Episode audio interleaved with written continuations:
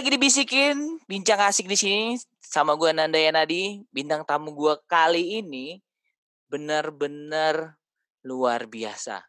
Kalau lu suka kopi, ngobrol sama beliau udah paling bener. Kebetulan dia adalah temen kuliah gue di Unpar. Itu salah satunya. Yang keduanya, yang keren, dia itu leader gue pada saat kita main game Counter Strike. Ya, udah gue nggak usah lama-lama. Bro Prawira Adiguna alias Edo. Do, apa kabar bro? Baik, baik. Nah, gila kita udah lama nggak ngobrol do ya. Iya nih, kelamaan malah. Yes, it's been too long, man. Gila, man. Parah, parah, parah. Kita juga uh, pernah sekali ya, gue lagi mau ke lagi di Bali mau janjian sama lo, tapi lo lagi nggak bisa ya sayangnya ya. Betul, gue nggak Iya. tahu lagi ke mana. Iya, sibuk lah, paham lah, sibuk. Nah, Dok, gue pengen lu ceritain ke gue background lu itu sangat-sangat menarik buat gue. Karena background lu itu sebenarnya IT gitu kan. Pas kuliah lu IT, terus pas saat-saat kita main Counter Strike nih, kita main Counter Strike bareng cukup lama loh, Dok. Dua tahun lebih lah. Lama. Dua tahun lebih. Kita pernah muter-muter di Bandung udah pasti lah ya sama di sampai ke Jakarta even kita pertandingan gitu kan. Ya, Terus WCG. Asli asli gila ya kalau mengingat zaman-zaman itu. Nah, boleh kasih intro dikit dong buat yang ngedengerin. Lu tuh background lu apa? Kok bisa tiba-tiba sekarang tuh lu jadi apa nih gitu? Bisa jelasin nggak? Jadi gue backgroundnya itu kuliah di Unpar itu ilmu komputer. Yes, ilmu komputer. Nah, terus nggak lama setelah gue lulus, gue agak lama tuh lulus ya karena agak males. Terus main game sih ya, main game. Kebanyakan main game bener. Hmm. Terus udah gitu, em, kayaknya gue pindah ke Bali, kira-kira Mhm. 10 tahun lalu. Mm-mm. Nah, terus waktu itu tuh gue kebanyakan kerja tuh kayak eh, freelance eh, web development gitu. Nah, entah bagaimana dari satu klien ke klien berikutnya, akhirnya gue tuh semacam dikontrak sama company di New York buat develop eh, website e-commerce gitu. Mm-mm. Jadi tiba-tiba orangnya datang aja ke Bali, eh, dia setup semuanya, office buat gua gitu. Nah, gua yang eh, basically jadi manajer di sana, terus gua ada anak buah, ada graphic designer, ada coder, segala macam. Nah, terus sudah gitu, gua tuh kebenaran em, tinggal di daerah Canggu Yes. gitu. Ya, mungkin lu sekarang udah lebih tahu Canggu lah dibandingin zaman-zaman dulu karena dulu kan lebih terkenal kayak minyak apa segala macam. Iya betul.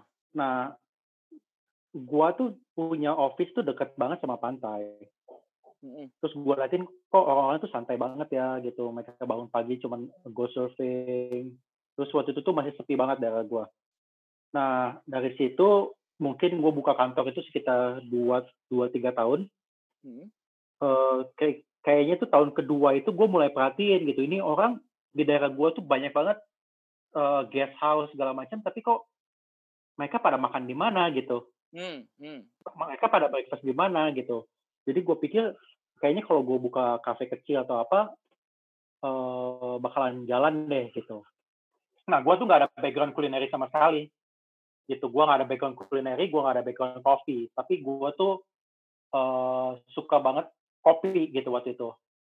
Ya. nah kebenaran gue minum kopi itu di tempat-tempat yang dulu waktu di Bandung itu eh, bisa dibilang eh, pioneer gitu.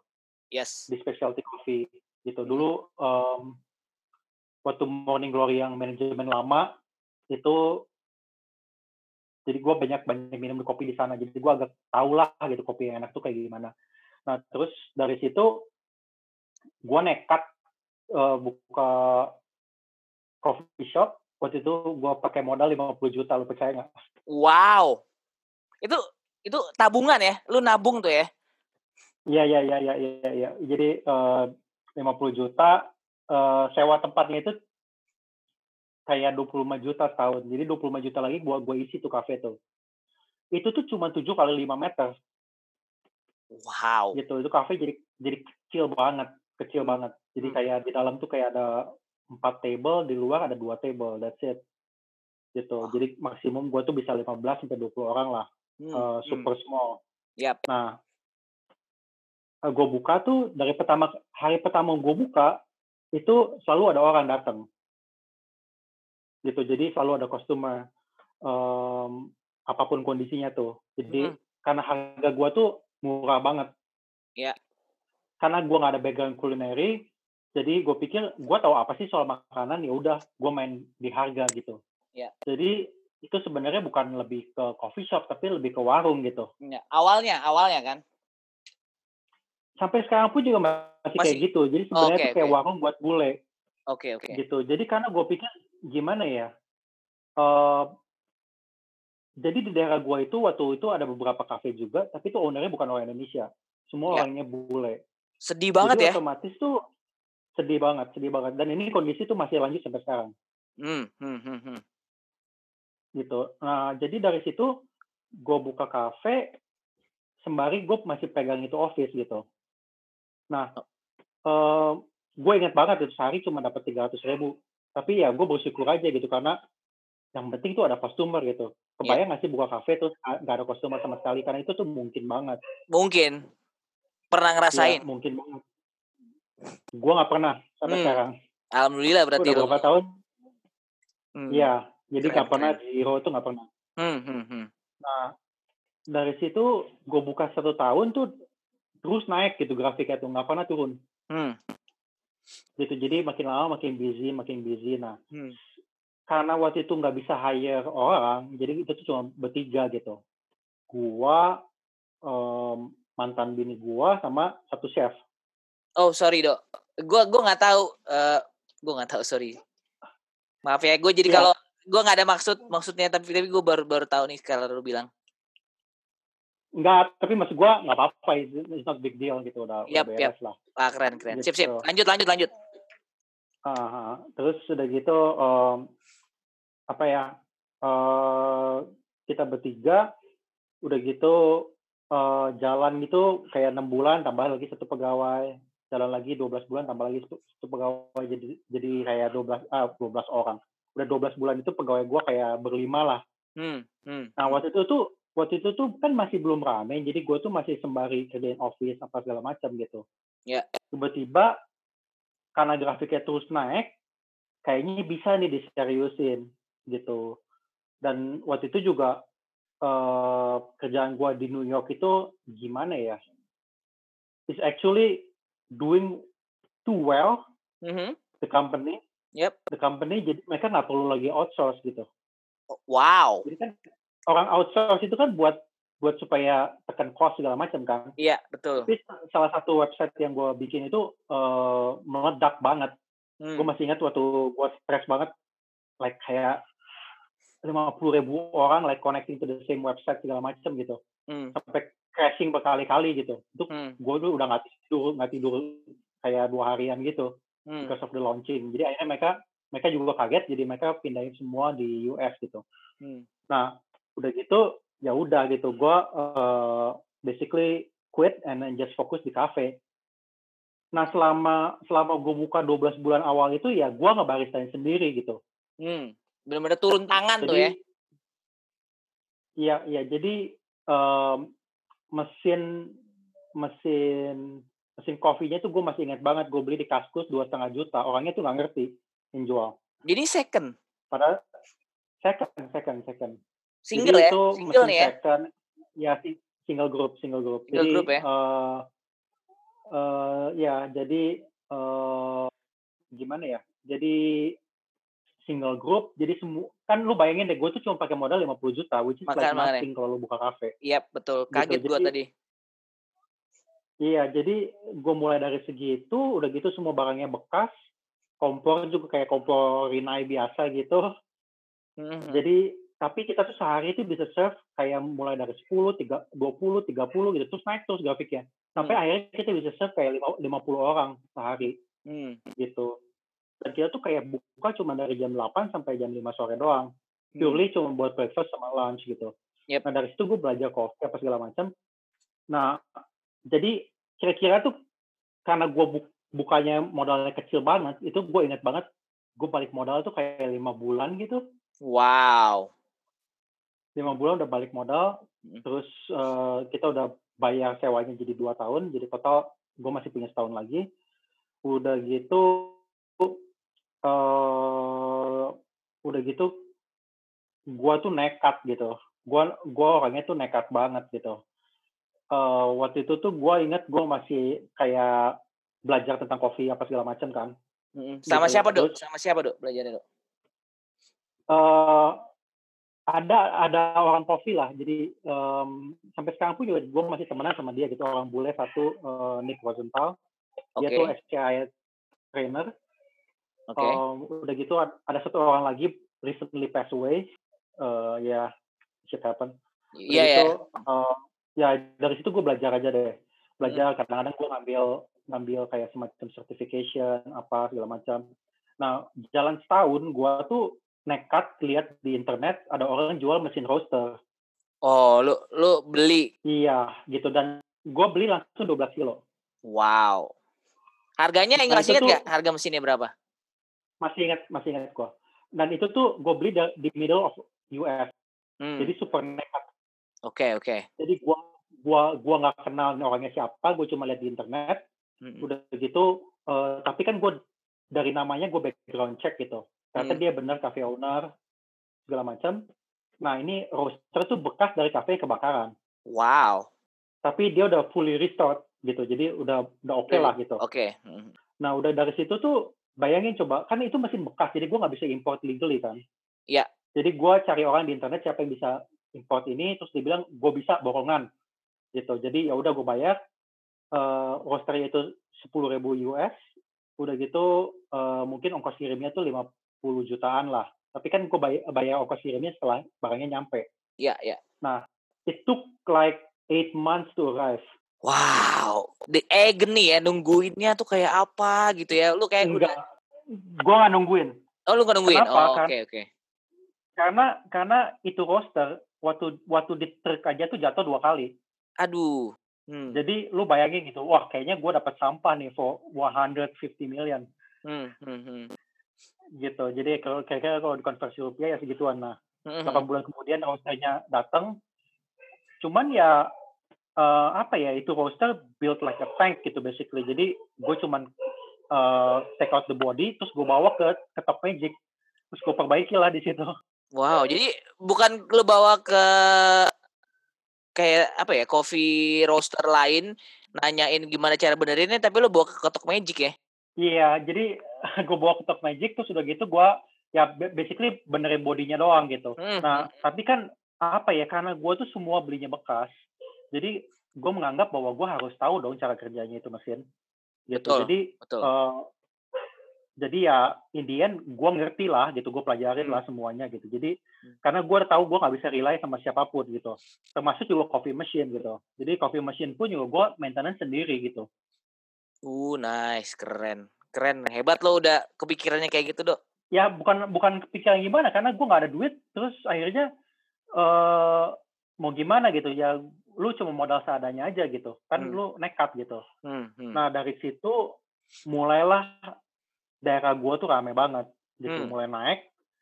Nah, uh, kira-kira meledaknya itu jalan kayak satu setengah tahun gitu. Satu setengah tahun tuh kayak gua tuh dimarahin tetangga gua gitu segala macam karena lu tau lah bule Bising. itu naik motor tuh seorang satu hmm. gitu. Hmm. Hmm. Hmm. Jadi bayangin mereka pada parkir sembarangan lah segala macam. Nah itu jalan dua tahun tuh gue ditendang. Dari situ. Dari, dari tempatnya. Hmm, tempat awal ya, tempat berdirinya ya. Tempat berdirinya gitu, tempat berdirinya gue ditendang.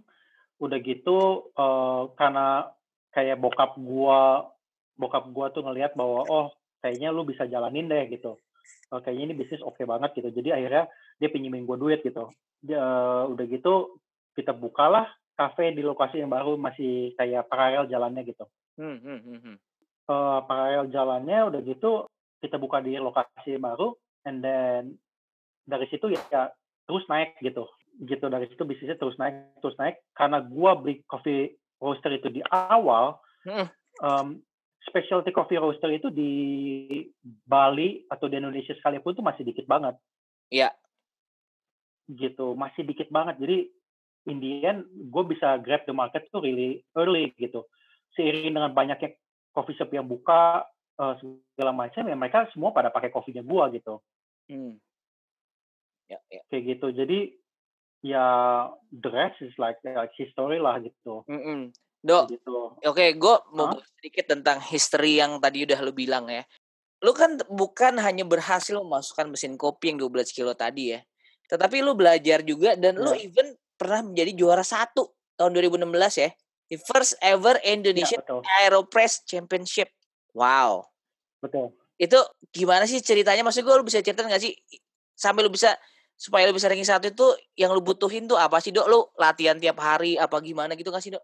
uh, gua bukan tipe orang yang grinding so I don't like training like kayak apa ya gue tuh sebenarnya orangnya relatif males sih gitu hmm, hmm. jadi uh, kenapa gue join competition atau apa gitu hmm. waktu itu tuh zamannya profesi barista tuh lagi naik Iya. Yeah. nah um, terus kan jadinya waktu itu kan gue mungkin udah punya kayak tiga atau empat barista kan Yeah. And then they are really really really good barista gitu. Terus gue tuh pikir mereka tuh mau ke mana gitu setelah setelah dari sini gitu. Hmm, hmm, Jadi hmm. ya the only way to learn and you can learn really fast is by joining competition gitu. Ya, yeah, benar benar. Jadi benar. ya barista gue pada compete ya gue iseng-iseng dapat nemenin mereka nggak ngapa-ngapain ya gue gue ikutan aja gitu. Jadi basically gue gue malah lagi sakit malah. Pada saat itu? Iya lagi sakit gue, lagi sakit jadi gue tuh nggak bisa apa ya testing juga ada nggak benar gitu. Hmm, hmm, ya, lagi flu, lagi flu banget gitu.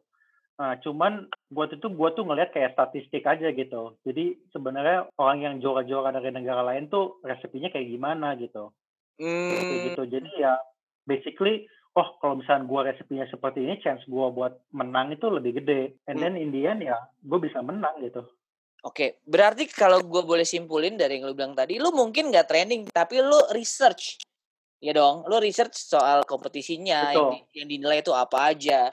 Kemudian lu researchnya yang ju yang juara-juara di tempat lain, kalau ada kompetisi semacam ini tuh apa sih yang dilihat, rasa apa sih yang disukain, gitu ya? Benar, benar, benar, hmm. benar. Ya gitu mungkin lu terus apa ya? Ya karena kalau misalnya lu pengen bertahan di bisnis ini gitu, lu kan harus tahu gitu tes kopi enak tuh gimana gitu. Yes. Benar Dan, dan gue ngerasa gue ngerasa gue tuh udah udah lumayan calibrated. Itu aja. Hmm. Kalau lu tanya gue gitu in coffee apa segala macam, gue tuh gak punya preference gitu. Jadi gue tuh ngeliatnya as a as a number aja gitu. Gitu kayak kayak apa ya kayak oh ini coffee clean, apa segala yeah. macam very technical very technical yeah. kalau gue ngejak kopi gitu dan itu nggak ada nggak ada personal taste ngerti gue jadi kalau misalnya lu nyobain kopi lu akan tahu oh ini kopi ini perpaduannya berapa persen berapa persen berapa persen akhirnya taste-nya tuh yang keluar apanya. Oh jadi lu jadi lu lebih ke situ ya nilainya? Ya apa pun kopinya apa pun kopinya gue tuh menilai kopi tuh as it is gitu. Ya ya ngerti gue paham paham. Ya gitu. Jadi kayak ya karena kan gue juga train uh, di score sheetnya gitu apa segala macam gitu. Jadi ya gue ngerti gitu oh ini covid tuh skornya high gitu. Hmm. tapi ya again bisa aja covid skornya high tapi um, high on the technicality side gitu. Jadi yep. bukan berarti dia high high as in unique gitu yang lo cari tuh skornya tinggi dan unik gitu. Yeah. Nah si Eropa sendiri tuh kompetisinya sebenarnya agak unik karena binsnya tuh dari dia. Oh bukan kita bawa dari, ya? Dari panitia. Bukan kita bawa. Hmm. Gitu. Tapi sebelum gitu. itu Jadi, dikasih boleh nyobain dulu nggak bikin apa langsung di tempat? Iya, bikin bikin. Oh, bikin, nyobain bikin. dulu. Saya okay. cobain dulu. Iya, seminggu sebelumnya malah. Hmm, wow. Cepet juga ya. ya. ya lu ya. harus langsung dapet karat karakteristik kopinya tuh kayak gimana terus lu mau apain. Wow. Iya, iya, iya, iya. Di waktu di World juga begitu gitu. Jadi kopinya dikirim dari uh, Inggris, udah gitu hmm. ya uh, gue coba dulu gitu di Indonesia. Terus udah gitu ya gue berangkat ke Dublin gitu. Wow. Ih, hebat, hebat, hebat, hebat, hebat. Keren banget, Dok. Dok. Kayak gitu. Tapi gue penasaran nih, Dok. Lu kan kuliahnya ilmu komputer nih. Iya. Uh, pelajaran lu yang pelajaran ilmu lu yang lu dapet dari ilmu komputer pada saat lu kuliah ilmu komputer kepake nggak sih di bisnis lo yang sekarang? Kayaknya sih ya mungkin lebih kayak apa ya? Kayak skill googling aja sih gitu finding the right information gitu. It, that's really important gitu. Kalau misalnya lu kayak coder apa segala macam kan lu harus cari tahu gimana caranya to solve the problem gitu. Jadi ya basically like googling skill and how to separate bullshit and good information kayak gitu-gitu aja apalagi di dunia coffee ini banyak banget bullshit gitu Hmm. jadi ya you have to know gitu uh, what is good information mana bad information sih Nah. gitu Oke, Dok, gue tertarik banget lo bilang tadi bullshit information gitu ya. Boleh kasih ya satu cerita nggak ke gue yang lo bilang bullshit tuh yang kayak gimana sih? Penasaran gue. Eh, gimana ya kalau di Indonesia tuh banyak banget yang bullshit Hmm, Oke, contoh aja Dari- contoh. contoh kayak eh kopi Bali karena ditanamnya bareng jeruk jadi rasanya kayak jeruk. Hmm, gitu. That's tot- totally bullshit gitu. Nggak there's nothing to do gitu. Kayak gitu. Jadi ya banyak banget coffee myths apa segala macam. Terus kayak sekarang tuh banyak banget Kickstarter yang claiming that this device is like the best brew device segala Hmm. macam gitu ya.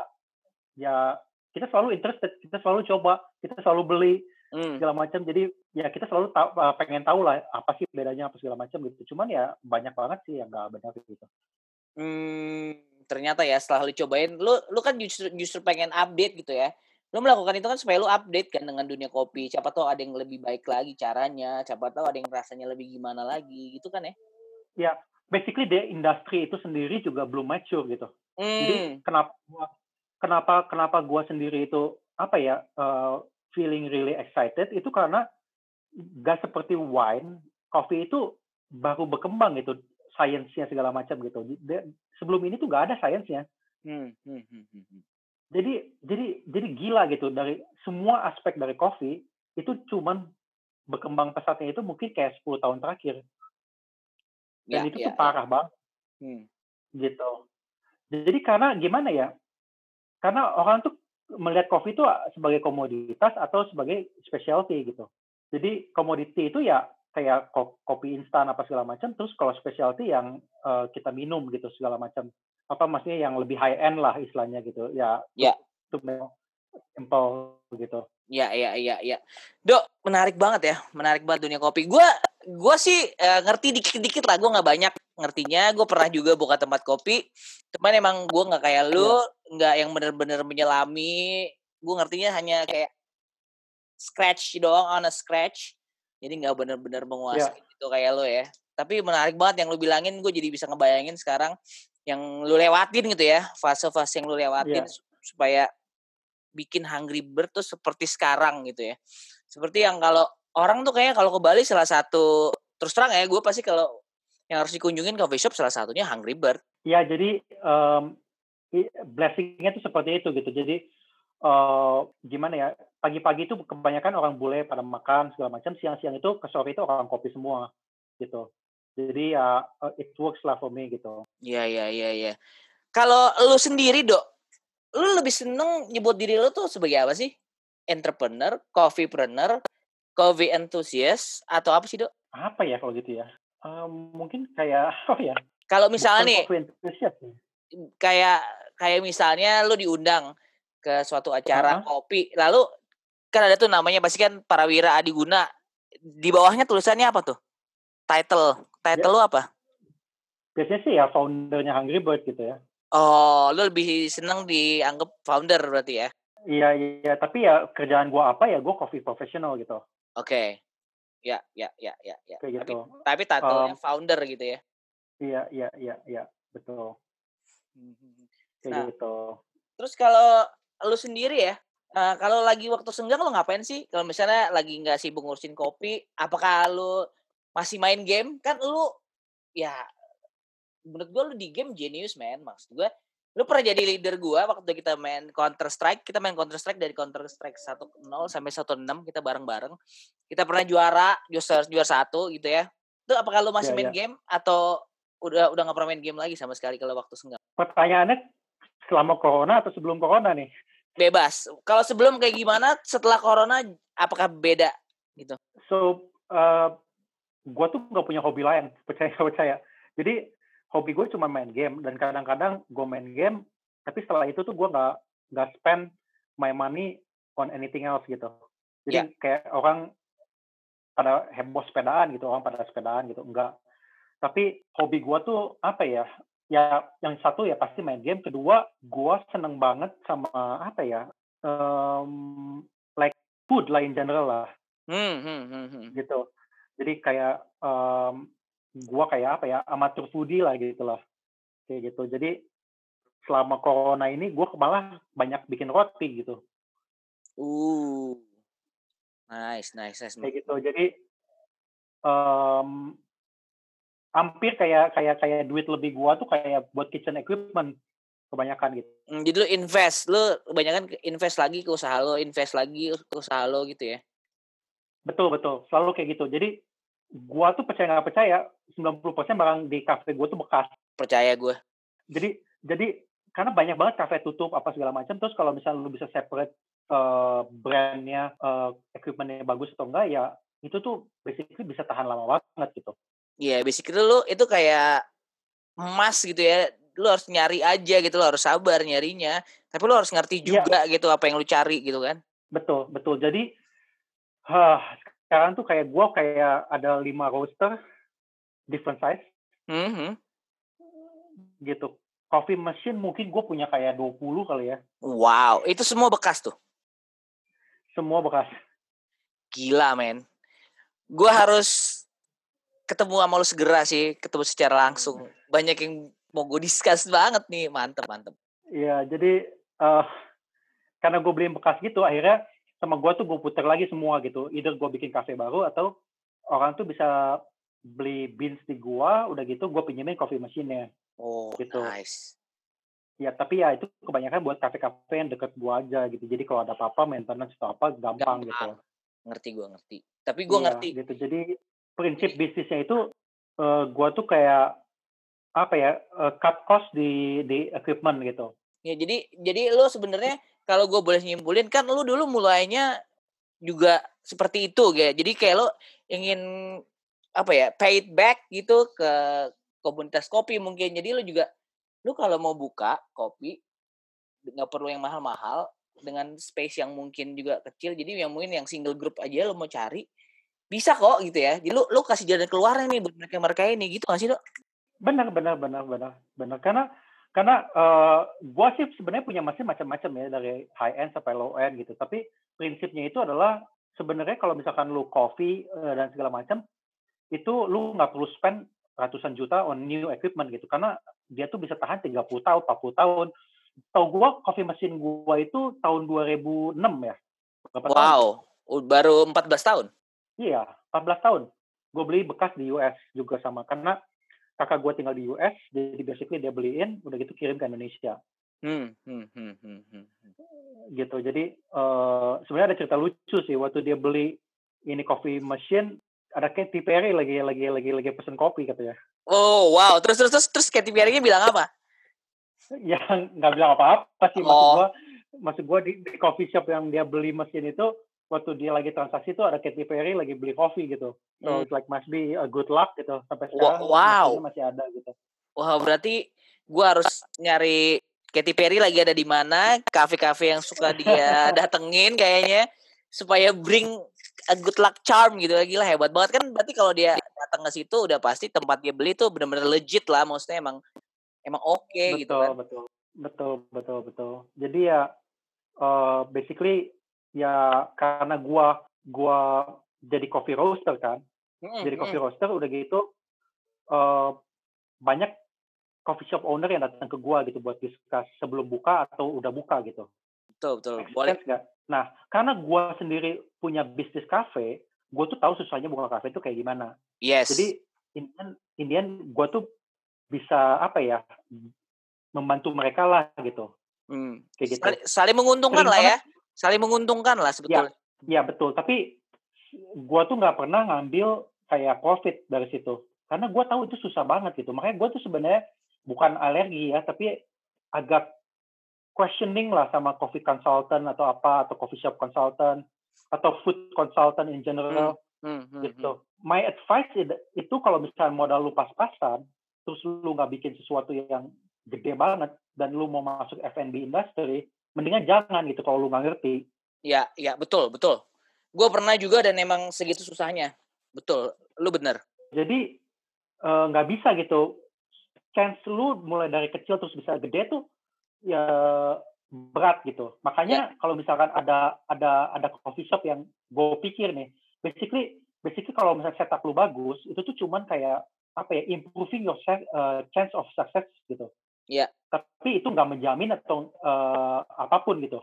Betul. Jadi gimana sih cara percentage lu tuh naik terus gitu, chance of success terus gitu. Nah, karena gue udah tahu susahnya gitu, gue selalu bilang ke orang gitu, apa lu yakin mau kerja di F&B gitu. Nah, gue paling seneng kalau misalnya ada orang yang prove me wrong gitu. Hmm.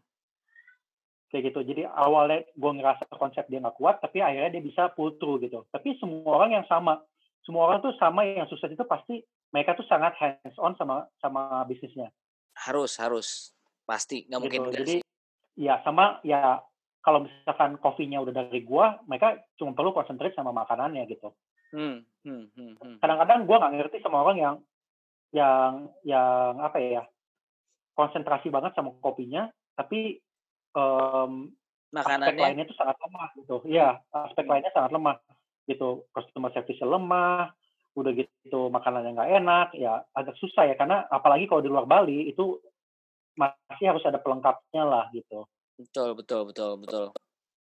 Wah, mantep, Dok. Iya. Gua, harus- gua harus segera ketemu lu sih, Dok. Wuh, luar biasa. Ya, saat ini Gua sekarang, udah iya, iyalah, kalau udah beres lah. Kalau sekarang kan nggak mungkin.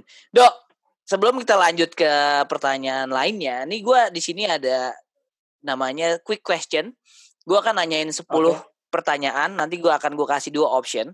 Oke. Nah, please lu jawab dengan cepat. Pokoknya yang kira-kira di pikiran lo itu yang pertama kali keluar udah lu jawab aja, nggak usah ragu-ragu ya. Jadi nggak ini Oke. bukan bukan sesuatu yang gimana-gimana, cuma this, this is for fun lah. Oke. Oke, gue mulai ya. Dok, ilmu atau uang? Ilmu jelas. Arabica atau robusta? Arabica, PlayStation atau Xbox? PlayStation. Counter Strike atau Warcraft? Eh susah nih. Gue kira it's gonna be easy for you, ternyata enggak ya? Salah ya gue ya? Iya. Makan bubur diaduk atau nggak diaduk? Nggak diaduk gua. Oke. Bandung atau Bali? Bali Oke. Lu kalau tidur lampunya nyala atau mati? mati. IT atau kopi? Kopi. Oke. Mall atau museum? Museum. Oke. Terakhir nih, Dok. Bali Kintamani atau Gunung Puntang? Uh, puntang sih lebih potensial. Wow. Oke. Itu, Dok, 10 pertanyaan cepat dari gue. Ternyata yang gue kira lu bakalan cepet ternyata malah malah mikir tadi Counter Strike sama Warcraft itu berat ya buat lo ya. Berat, berat, berat. Tapi kan tadi lu ngomong-ngomong lu tadi masih main game ya. Cerita sama gue lu masih main game. Game apa yang masih lu Masih mainin, gua sekarang gua lagi main Dota kayaknya. Oh, lagi Dota. soalnya. Hmm, Dota. Oke, gua gua kira main uh, first person. First person udah nggak udah nggak main, Dok. Masih kadang-kadang eh, terakhir gue main Doom. CS CS Go nggak main. eh, nggak bisa, udah nggak kuat ya, jago-jago semua. Iya, benar. Iya benar. Jago-jago semua. Re- Refleksnya udah kayak lambat banget ya. Gue ngerasa kayak aduh, udah udah ampun, ampun. Nggak bisa, nggak bisa. Iya, salah, salah. Oke, Dok. Ah, kita lanjut lagi, Dok ya. Oke. Ah, Dok. Menurut lo ya, kalau seseorang nih mau berhasil di bidang kopi ya, kan mungkin lo juga tahu kayak sekarang di every part of the city or even gang or apa pun sekarang dari coffee shop dari yang kecil sampai yang menengah sampai yang wow gitu kerennya. Apa sih Dok yang menurut lo paling penting dipunyai supaya orang tuh bisa sukses di bidang kopi? Menurut lo apa, Dok? Em, apa ya? Honesty, honesty. Honesty, oke. Sama taste ya. Iya, jadi jadi em, apa ya? Ada istilahnya tuh honest food gitu. Jadi you don't overcharge, but you don't uh, undercharge juga gitu. Jadi nggak bisa karena oh tempat gua bagus, jadi gue bisa ngecharge lebih mahal gitu. Kayak Hmm, gitu. Jadi selalu selalu apa ya? Fokus sama produknya gitu. Kayak Oke. gitu. Jadi tapi gimana caranya lu punya produk yang bagus ya lu harus punya taste gitu. Gimana Kayak punya taste yang ini bagus? Gimana, Dok? Kalau menurut lo, supaya punya taste yang bagus tuh lo harus ngapain? nggak bisa ya rasanya kayak gitu tuh sebenarnya gimana ya? Em, Oke, pertama lu nggak boleh punya fanatisme sama daerah tertentu atau kopi tertentu. Ya. Kayak gitu. Jadi eh lu harus ngelihat itu tuh gimana ya? As, as the coffee it is gitu. Jadi nggak bisa kayak oh kopi Bandung eh, atau Puntang paling enak atau kopi Indonesia paling enak nggak bisa kayak begitu. Hmm, hmm, It's hmm. actually big, big problem sama orang Indonesia bahwa mereka tuh berpikir bahwa kopi mereka tuh enak gitu. Kayak gitu. Jadi gua nemuin banyak banget problem mulai dari Sumatera sampai Sulawesi, Bandung itu selalu gua hanya kerja sama orang yang tidak berpikir bahwa kopi mereka tuh udah maksimal gitu. Hmm. Pengen ketemu Ya, sama gue siapa? pengen ketemu sama petani yang yang mereka tuh tahu gitu bahwa level mereka tuh ada di mana. Hmm. Jadi jadi mereka benar-benar ah, Gitu. mereka juga jujur kepada diri mereka. Gue di sini nih. Tapi gue sebenarnya bisa nyampe nih. Tapi gue nggak tahu caranya. Jadi gitu ya do ya mungkin ya. Betul, betul, betul, betul. Hmm, Iya soalnya kalau mereka udah merasa produknya mereka yang udah paling enak kan mereka nggak akan improve kan. Banget gitu. Iya nggak nggak nggak willing mencoba hal-hal baru yang mungkin bisa nambah value si kopi yang mereka produksi juga nggak sih? Betul, betul, betul. Jadi tapi itu same juga ya, same juga sama lu buka kafe gitu. Iya. Lu ngerasa bahwa kafe lu terbaik, interiornya bagus banget, mesin lu yang paling mahal, terus mau gimana gitu. Hmm, Eh, hmm. Tapi lu nggak tahu taste kopinya gitu. Lu Ya. nggak tahu barista lu benar nggak bikin kopinya gitu. Ya. Kayak gitu. Jadi ya kalau lu nggak bisa ngelihat itu ya susah gitu. Kayak gitu. Jadi ya lu harus bisa ngelihat diri lu tuh di mana levelnya tuh seperti apa Ya. Dan lu harus mau gitu. dan lu harus mau Jadi- improve diri lu pada saat lu tahu lu ada di mana lu harus mau ya lu kalau mau nyampe di suatu tempat kopi yang lu mau ya lu juga harus mau improve diri Betul. lo gitu kan kayak cerita lu tadi gitu kan kayak cerita lu tadi lu lu berawal dari kalau gue bilang bilang tuh humble beginning loh dok gua gua nggak tahu ceritanya gue baru dengar sekarang dari lu karena kita udah lama gak ngobrol bahwa lu mulai dengan modal yang menurut gue untuk sebuah coffee shop zaman sekarang itu modalnya minimal banget tapi lu bisa manfaatin semaksimal mungkin lah kalau gue bilang Ya tapi karena gue emang nekat banget gitu karena sampai sekarang pun juga gue masih nekat terus gitu. Hmm. Tapi lu makin lama nekatnya makin tajam gak sih? Eh iyalah jelas lah ya. Iya kan? Maksud gue nekat, maksud gue jangan bukan bukan kayak lu bayangin nekat yang nekat, tapi lu nekatnya juga ada perhitungannya nih. Lu harus nekat tapi harus dikerjain kayak gini supaya si kenekatan lu ini membuahkan hasil gitu, nggak cuman sekedar nekat yang hara kiri, wow kami kaze gitu, wah nggak nggak kayak gitu kan? Betul betul betul betul. Tapi ya tetap kan ada chance buat gagal juga kan gitu. Yes. Kayak kayak kayak kayak em, apa ya? Recently gue buka dua kafe di Bandung. Oke, di di mana apa apa namanya? Di mana dan di mana tuh, Dok? Eh Kinokini ada di Dago sama Bawah Batu. Mm-mm. Jadi gue buka sama teman kecil gue tuh. Mm-mm. Gue buka terus gue di sini sebagai orang eh, apa ya investor pasif gitu. Hmm, hmm, hmm. Jadi mereka yang mengendalikannya, lu cuman eh, masukin invest duit gitu ya? Betul, betul, betul. Sama equipment jelas. Karena kan gue punya equipment. Iya, gitu karena kan. lu punya eh, s- keahlian lo memang di situ gitu kan? Iya, iya, iya. Nah, dari situ udah tutup mata aja gitu. Taruh duit, ya udah gitu. Jalan ke jalan, ya lihat aja gitu. Gimana gitu. Terus Kayak sekarang gitu. gimana? Cuman, em, apa ya, istilahnya gimana ya? Lu bisa sampai negatif itu di F&B itu berarti lu memang bukan tempat lu gitu. Karena sebenarnya minimal tuh lu balik modal gitu. Ya. Kayak gitu. Eh, jadi lu butuh banget fail berat supaya lu tuh negatif gitu. Kalau misalnya lu ikutin prinsip prinsipnya gua gitu bahwa lu harus ngerti mesinnya, lu harus ngerti equipmentnya, jadi investor besar gitu segala macam gitu. Nah pasti kemungkinan besar sih lu nggak akan nggak akan rugi lah gitu. Ya. Nah terus sebenarnya yang dago itu tuh lagi melejit banget sebelum corona. Hmm. Gila itu baru buka dua bulan terus gua kena corona. Terus sekarang gimana? Nah eh, waktu itu dia untungnya itu jadi gua dapat dua bulan sewa free gitu. Hmm. Itu Lumayan lah ya. pemerintah gitu. Oh, pem- pemerintah Jawa Barat. Pemerintah Jawa Barat ngasih Iya. keringanan. Betul. Hmm. Oke, kayak oke. gitu. Nah, jadi ya sekarang sih in a business ya lu nggak bisa ngarapin untung gitu. Nah, ya gue tuh sebenarnya orangnya nggak rakus gitu. Sebenarnya gue nggak terlalu gimana banget soal duit gitu. Tapi Kak, Uh, apakah itu Gue kerja, lu kerja gimana? jadi gue uh, jadi gue coffee shop apa segala macam. Sebenarnya enjoymentnya tuh bukan di situ gitu, bukan di duitnya gitu. Tapi kayak apa ya? Gue tuh ada buah tuh di satu coffee shop Hungry Bird doang itu ada 20 ya. Wow. Terus di coffee shop satunya lagi ada 15. Wow. Bandung Bandung paling sedikit itu. Kalau Bandung paling sedikit itu eh, ada mungkin 10 kali ya. Dua Hmm. lokasi 10 Bandung. Hmm, hmm. Jakarta nggak nggak bisa nggak kesentuh ya Jakarta berat Hmm, oke. gitu. Jadi ya sekarang ini eh, gua Hungry Bird itu at least gue masih bayar 75% gaji gitu. Which is gue lumayan proud gitu. Kan banyak banget tuh yang 50% tuh Iya, iya, iya. Gitu. Ya gue masih bisa bayar 75, mereka juga appreciate. Terus eh, basically gimana ya, lu harus tahu backgroundnya itu di Bali itu seperti apa gitu. Jadi basically Bali itu kan kayak tengah-tengah Indonesia gitu. Betul, betul, betul. Jadi dari timur dan gue dapat pegawai dari barat. Nah, terus eh, lu kebayang nggak sih, eh, bukannya gue gimana ya, mereka tuh orang timur itu, orang timur yang kayak NTB, Sumbawa, segala macam, Ya. they having like tough life, tau nggak? Makanya Iya, mereka betul. pindah ke Bali. Ya, mm, ya sama lah kayak orang pindah ke Jakarta gitu ya dari daerah kan, kurang lebih kan mirip-mirip gitu ya. Ini dia pindah ke Bali gitu kan. Betul, betul, betul. Tapi culture shocknya Beda. dan, dan the, the basic education yang mereka punya segala macam itu tuh beda jauh. Mm, mm. gitu. Jadi ya kalau gua sampai gaji mereka 50%, mereka mau bayar kos gimana gitu.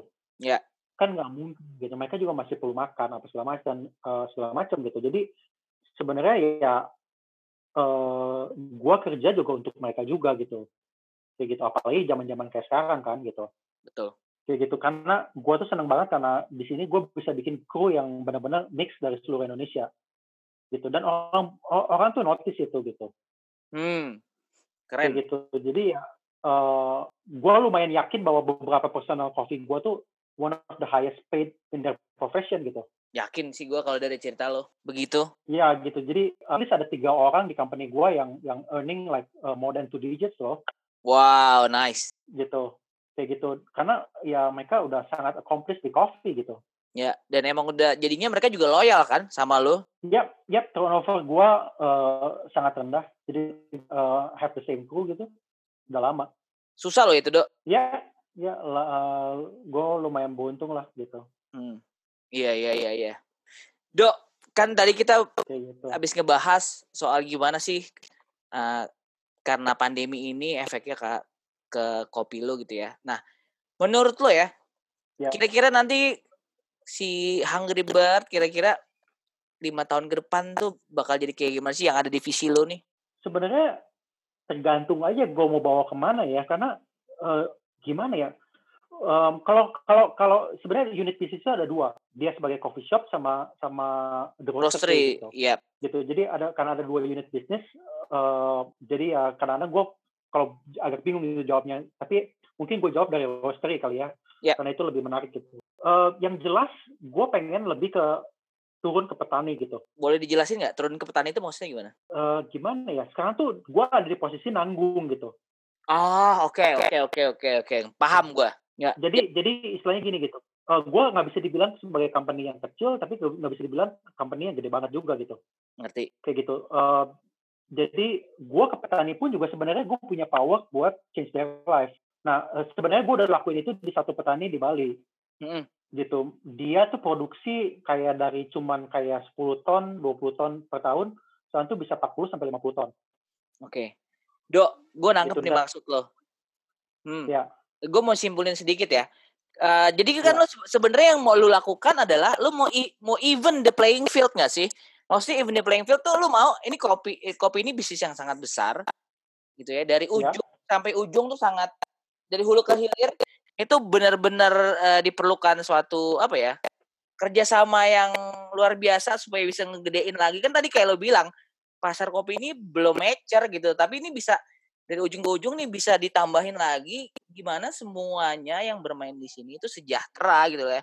Bukan cuma dapat rasanya doang tapi mau dari petani mau dari pelaku di dalam industrinya mau dari orang yang punya company. Jadi semua orang yang terlibat di sini tuh benar-benar ngerasain eh, manfaatnya gitu. Bener gak sih dok? Benar benar benar jadi tapi gue lebih pengen tuh startnya dari petani gitu. Karena Iya. percaya nggak percaya Hmm, hmm, level di, di Indonesia itu rendah banget. Hmm. sampai eh, kalau kita mau mau meroket lagi tuh masih bisa gitu.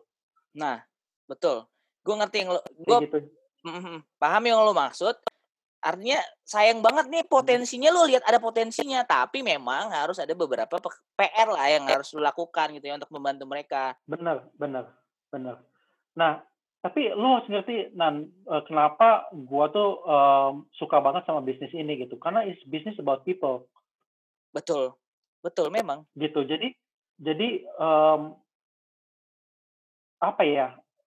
Kalau kalau gue ngomongin satu petani ini ya, gitu, dia tuh kan uh, kebanyakan di Indonesia itu smallholder gitu. Jadi nggak mungkin dia punya kebun gede-gede banget gitu. Ya. Jadi banyak keluarga-keluarga yang lain gitu. Mungkin dari sini aja tuh at least gue bisa mempengaruhi kayak 20 keluarga gitu. Wow. Kayak gitu. Hmm. Uh, jadi itu baru dari satu location gitu. Jadi sebenarnya tuh sebelum pandemi itu gue harusnya ke Flores. Hmm. Hmm. hmm. Gitu. Nah, karena kenapa di Flores itu? Karena uh, Flores itu salah satu daerah yang paling potensial buat kopinya enak banget, udah gitu, tapi mereka juga secara ekonomi tuh masih ketinggalan banget. Ya. Gitu. Jadi ya you can really make a, a difference gitu kalau lu udah mulai mainnya di petani gitu. Hmm. Kayak gitu gitu. Ka karena gimana ya? Karena gue tuh main tuh dua arah, nan. Gitu. Gue tuh main uh, apa ya? Seperti lu tahu gitu, gue backgroundnya ada kompetisi apa segala macam kan. Hmm gitu. Nah dari situ kan gue kan tahu high end coffee itu kayak gimana. Iya. Gitu. Nah gue tuh ada di dua spektrum itu gitu. Sebenarnya tuh um, gue tuh kenal banyak banget trader di Europe gitu. Hmm. segala macam gitu. Jadi buat gue tuh cuman ini everything aja gitu. Cuman kan mereka juga bukan mereka tuh profesional semua gitu. Jadi mereka tuh tahu gitu ini coffee bagus atau enggak apa macam gitu. Gue tuh nggak bisa bullshit my way gitu. Hmm. Kayak gitu. Hmm. Tapi like misalkan lu petani gitu dan lu produce satu kopi enak, itu tuh gampang banget karena semua dari seluruh dunia lu bakal dikejar-kejar. Ya, ya, ya, ya. Kayak gitu gitu. Jadi uh, ya itu very interesting lah gitu karena gue tuh di tengah-tengah gitu. Hmm, hmm. Iya jadi kalau di tengah-tengah jadi lu tahu gitu semua yang ada di di industri itu kayak gimana. Jadi makanya lu sangat melihat ada potensi di Flores. Sayang banget sih ini kopinya enak, bisa dikembangin lagi. Kalau ini berkembang nanti bisa menaikkan uh, hajat hidupnya mereka juga sebagai petani kopi.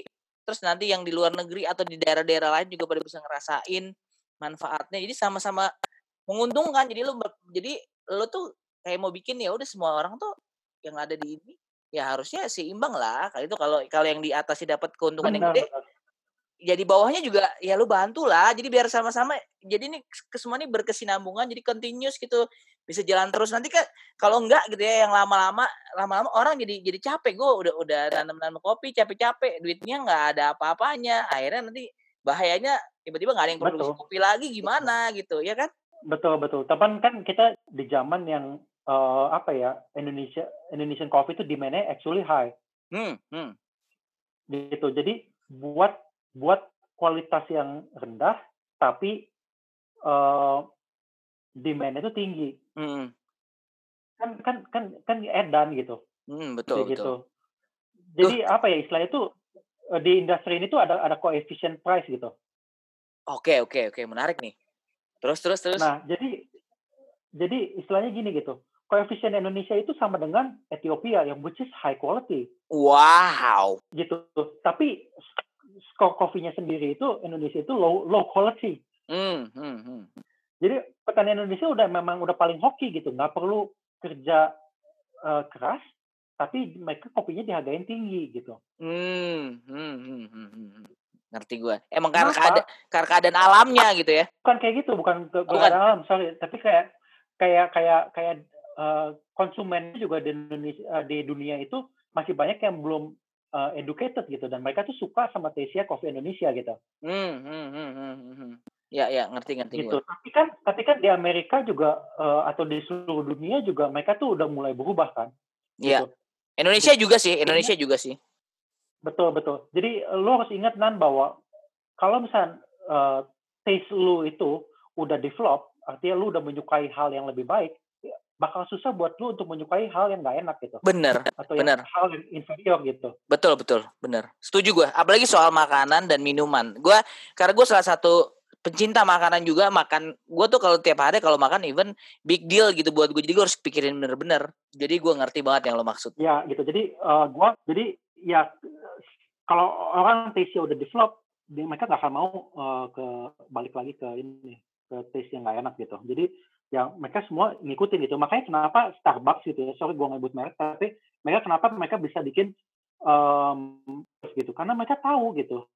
Mereka nggak bisa main di uh, low quality terus gitu.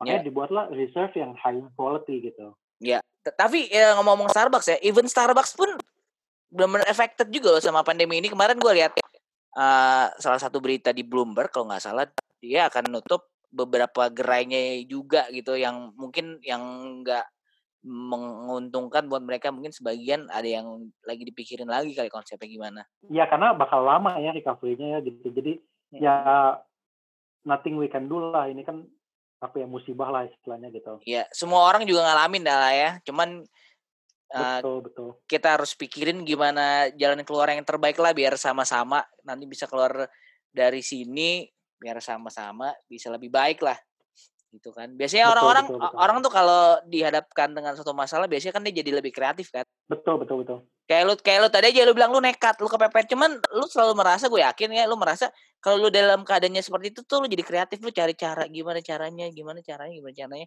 sampai lu akhirnya ketemu jawabannya gitu kan punya bucket list gak sih, Dok? Bucket list ya? Yep. Um, mungkin cuma kayak traveling doang ya. Mm -hmm. Oke, okay, nomor lima bisa lo sebutin nggak dari nomor lima ke nomor satu urutannya? Waduh, kayaknya bucket list gue gak sepanjang itu deh. Oh, oke. Okay. Bucket list yang lo punya deh. Um, bucket list gue ya. Hmm. Yang pasti traveling lah ya. Sebanyak hmm. mungkin gitu ya. Oke. Okay. Ke mana sih yang yang lo lagi pengen banget? Uh, Sweden ya, atau Scandinavian country gitu. Oh, Sweden lagi. Lu mau ketemu Hitton di situ? NIP Hitton. Hah? Mau ketemu NIP Hitton di situ? Atau mau ngeliat enggak, Oh enggak ya? Kayak apa ya? Mereka kan kayak apa ya? High level of uh, culinary gitu. Hmm, hmm, hmm, hmm, hmm. Kayak gitu. Terus gue juga pengen ke US gitu. Uh, any particular gitu. city yang lo mau pergi ke US? Basically ke South America ya, karena uh, gue kebenaran juga di mentor uh, sama petani dari Kolombia gitu. Jadi oh, oke. Okay. Entah entah gimana petani Kolombia ini bisa liburan di Bali enam bulan gitu. Akhirnya banyak ngobrol sama lu. Bukan ngobrol lagi, dia ngajarin gue literally everything gitu. Wow. Kayak gitu nice. karena bukan bukan apa-apa ya. Kopi dia itu satu kilonya itu dua juta, nan. Buset. Iya, nan.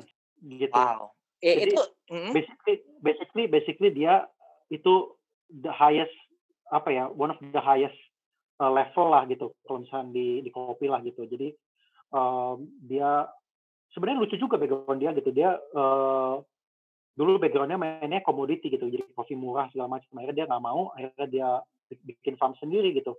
Makanya gue tahu gitu bahwa it, it is possible to to build a farm world class farm within this six years gitu. Hmm. Kayak gitu gitu. Karena sebenarnya nggak ya lu cuma perlu fokus satu gitu sama fokus sama quality gitu. Dan ini ini yang dia lakuin gitu. Kayak gitu. Dan Jadi itu ya, serve him well lah ya. Ya, ya sekarang dia multi million dollar business. Wow. Ya. Nice. Jadi itu Dan ya. Dia cuma cuman itu dalam lima tahun enam tahun ya. Uh.